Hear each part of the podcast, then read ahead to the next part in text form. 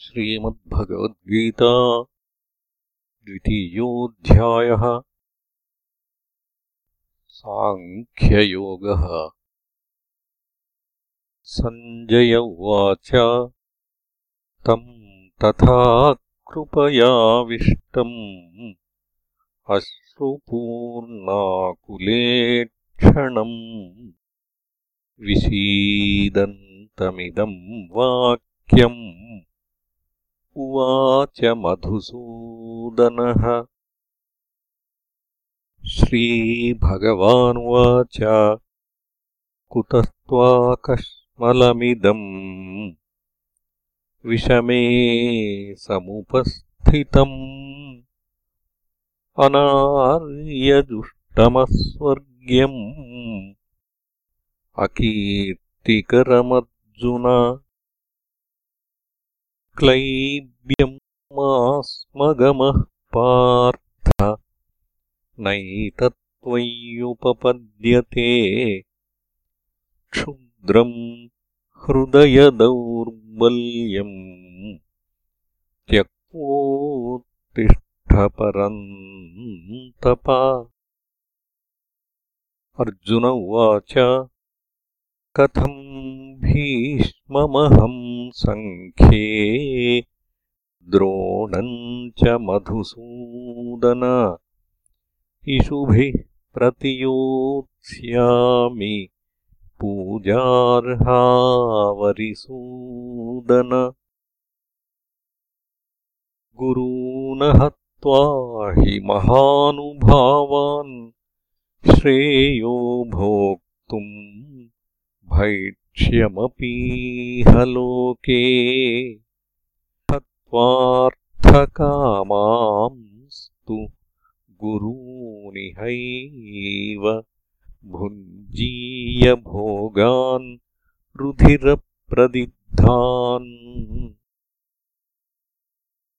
न चैतद्विद्मः कतरन्नो गरीयो यद्वा जयेम यदि वा नो जयेयुः यानेव हत्वा न जिजीविषामः तेव स्थिताः प्रमुखे धार्तराष्ट्राः। कार्पण्यदोषोपहतस्वभावः पृच्छामि त्वाम् धर्मसम्मूढचेताः। यच्छ्रेयः स्यान्निश्चितम् ब्रूहि तन्मे शिष्यस्तेऽहम् साधिमाम् त्वाम् प्रपन्नम् न हि प्रपश्यामि ममापनुद्यात् यच्छोकमुच्छोषणमिन्द्रियाणाम् अवाप्य भूमावसपत्नमृद्धम् राज्यम् सुराणामपि चाधिपत्यम् सञ्जय उवाच। एवमुक्त्वा हृषीकेशम् गुडाकेशः परन्तप न योत्स्य इति गोविन्दमुक्त्वा तूष्णीम् बभूवः। तमुवाच हृषीकेशः प्रहसन्निव भारत। सेनयोरुभयोर्मध्ये विषीदन्तमिदम् वचः।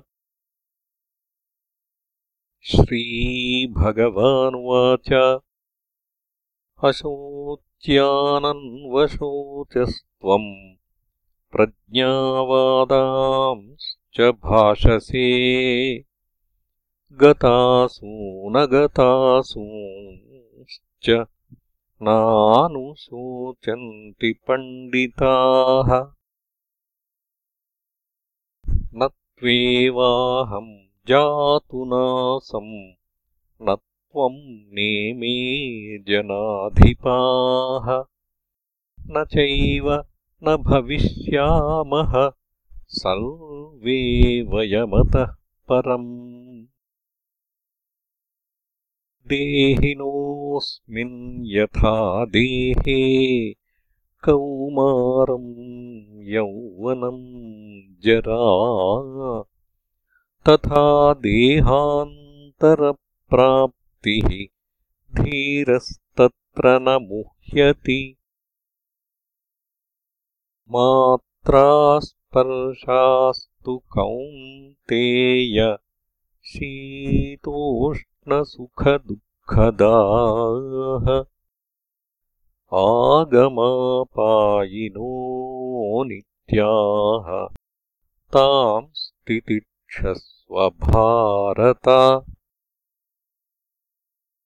यम् हि न व्यथयन्त्येते पुरुषम् पुरुषर्षभ समदुःखसुखम् धीरम् सोऽमृतत्वाय कल्पते। नासतो विद्यते भावो नाभावो विद्यते सतः। उभयोरपि दृष्टोऽन्तस्त्वनयोस्तत्त्वदर्शिभिः अविनाशि तु तद्विद्धि येन सर्वमिदम् ततम् विनाशमव्ययस्यास्य न कश्चित् कर्तुमर्हति। अन्तवन्त इमे देहा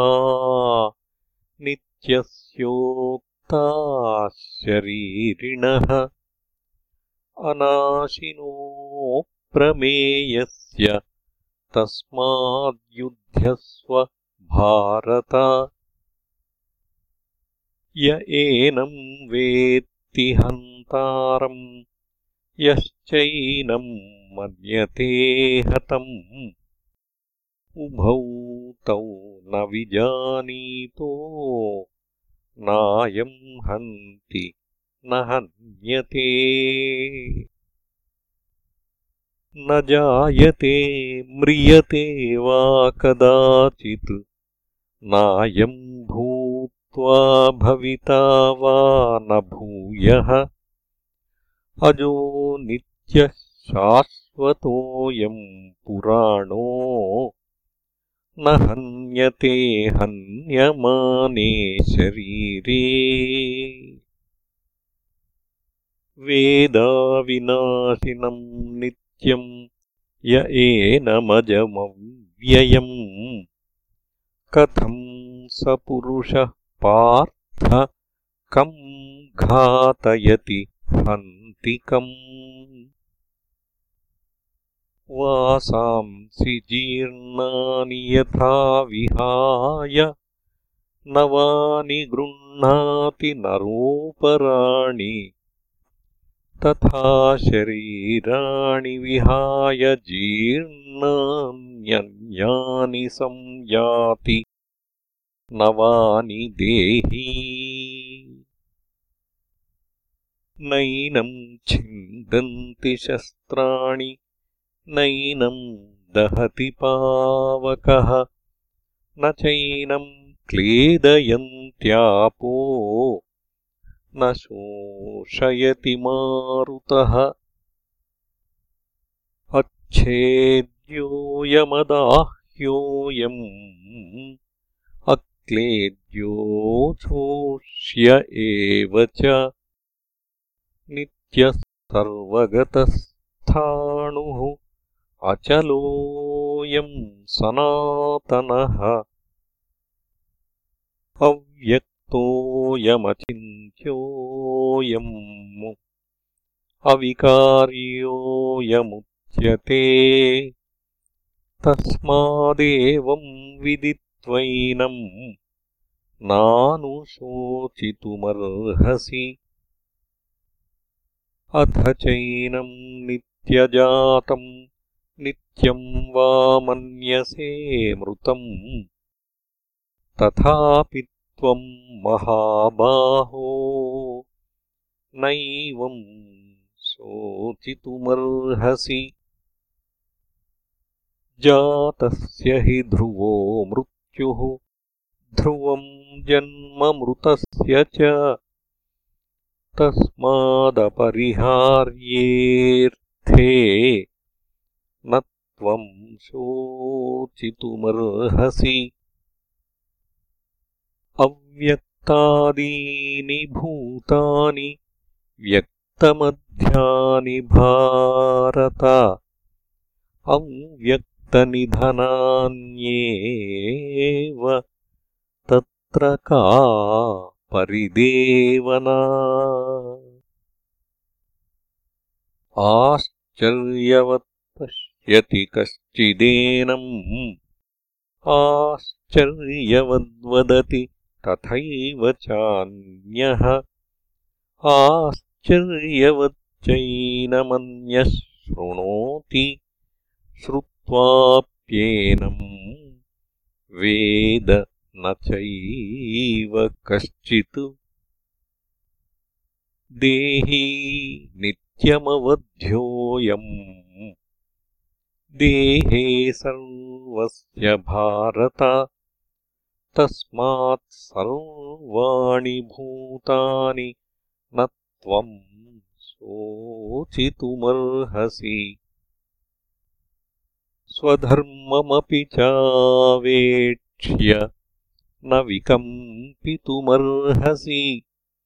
धर्म्याद्धि युद्धाच्छ्रेयोऽन्यत् क्षत्रियस्य न विद्यते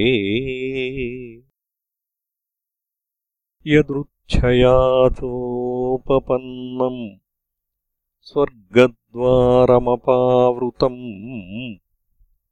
सुखिनः क्षत्रियाः पार्थ लभन्ते युद्धमीदृशम्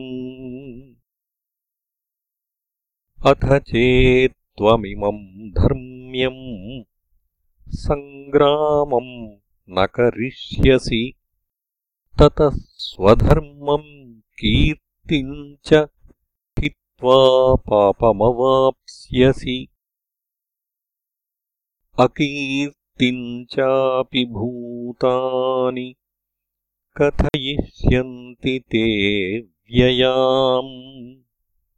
सम्भावितस्य चाकीर्तिः मरणादतिरिच्यते भयाद्रणादुपरतम् मंस्यन्ते त्वाम् महारथाः। येषाम् च त्वम् बहुमतो भूत्वा यास्यसि लाघवम् अवाच्यवादांश्च बहून् वदिष्यन्ति तवाहिताः। निन्दन्तस्तव सामर्थ्यम्। ततो दुःखतरम् नु किम्? हतो वा प्राप्स्यसि स्वर्गम्। जित्वा वा भोक्ष्यसे महीम् तस्मादुत्तिष्ठकौन्तेय युद्धाय कृतनिश्चयः सुखदुःखे समे कृत्वा लाभालाभौ जयाजयौ। ततो युद्धाय युज्यस्व नैवम् पापमवाप्स्यसि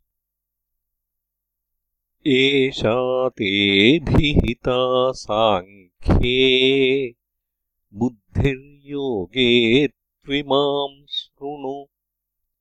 बुद्ध्या युक्तो यया पार्थ कर्मबन्धम् प्रहास्यसि।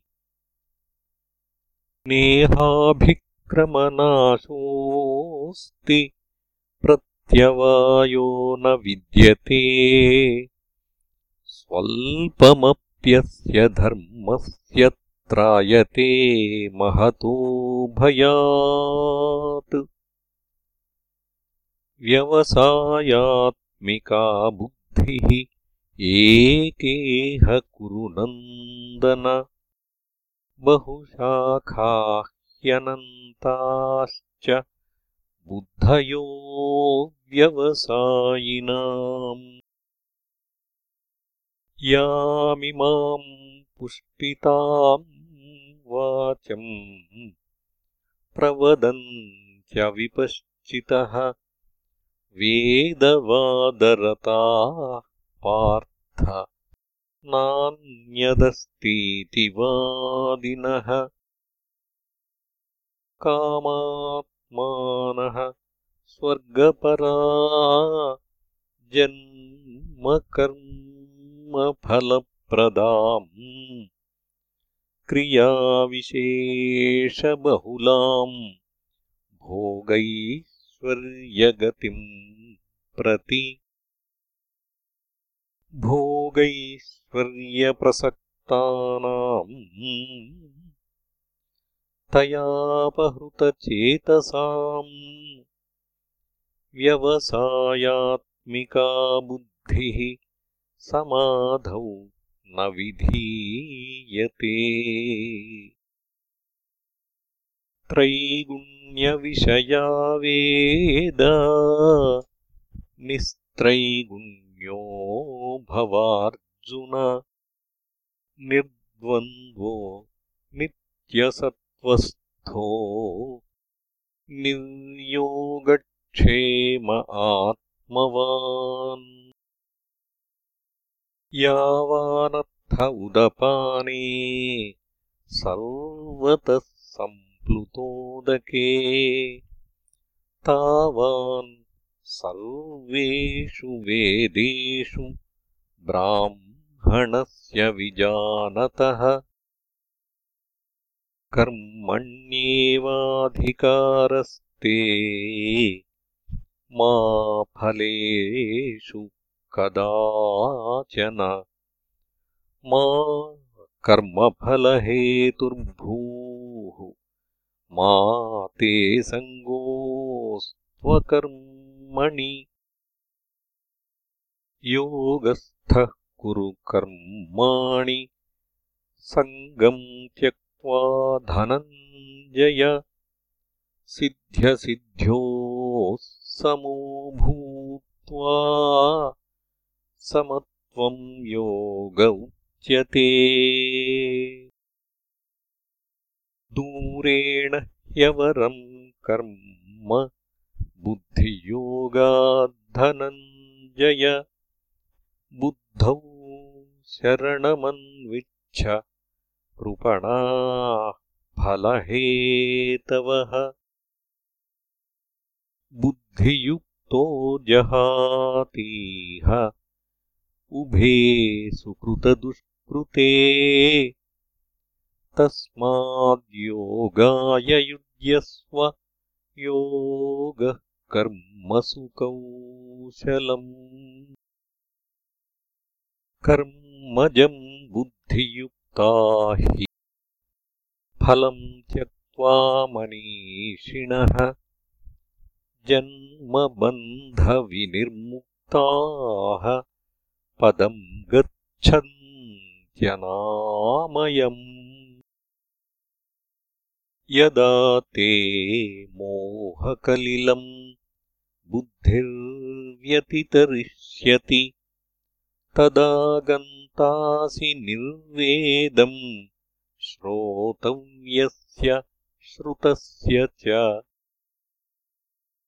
श्रुतिविप्रतिपन्ना ते यदा स्थास्यति निश्चला समाधावचला बुद्धिः तदा योगमवाप्स्यसि। अर्जुन उवाच स्थितप्रज्ञस्य का भाषा? समाधिस्थस्य केशव? स्थितधीः किम् प्रभाषेत। किमासीत व्रजेत किम्? श्रीभगवानुवाच। प्रजहाति यदा कामान् सर्वान् पार्थमनोगतान्। आत्मन्येवात्मना तुष्टः स्थितप्रज्ञस्तदोच्यते दुःखेष्वनुद्विग्नमनाः सुखेषु विगतस्पृहः वीतरागभयक्रोधः स्थितधीर्मुनिरुच्यते। यः सर्वत्रानभिस्नेहः तत्तत्प्राप्य शुभाशुभम्। नाभिनन्दति न द्वेष्टि तस्य प्रज्ञा प्रतिष्ठिता। यदा संहरते चायम् कूर्मोऽङ्गानीव सर्वशः।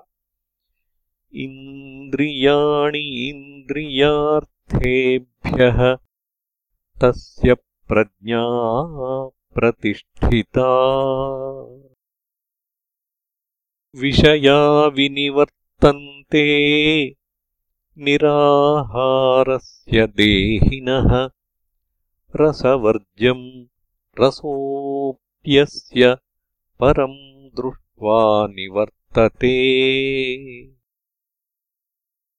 यततो ह्यपि कौन्तेय पुरुषस्य विपश्चितः इन्द्रियाणि प्रमाथीनि हरन्ति प्रसभम् मनः। तानि सर्वाणि संयम्य युक्तासीत मत्परः। वशे हि यस्येन्द्रियाणि तस्य प्रज्ञा प्रतिष्ठिता।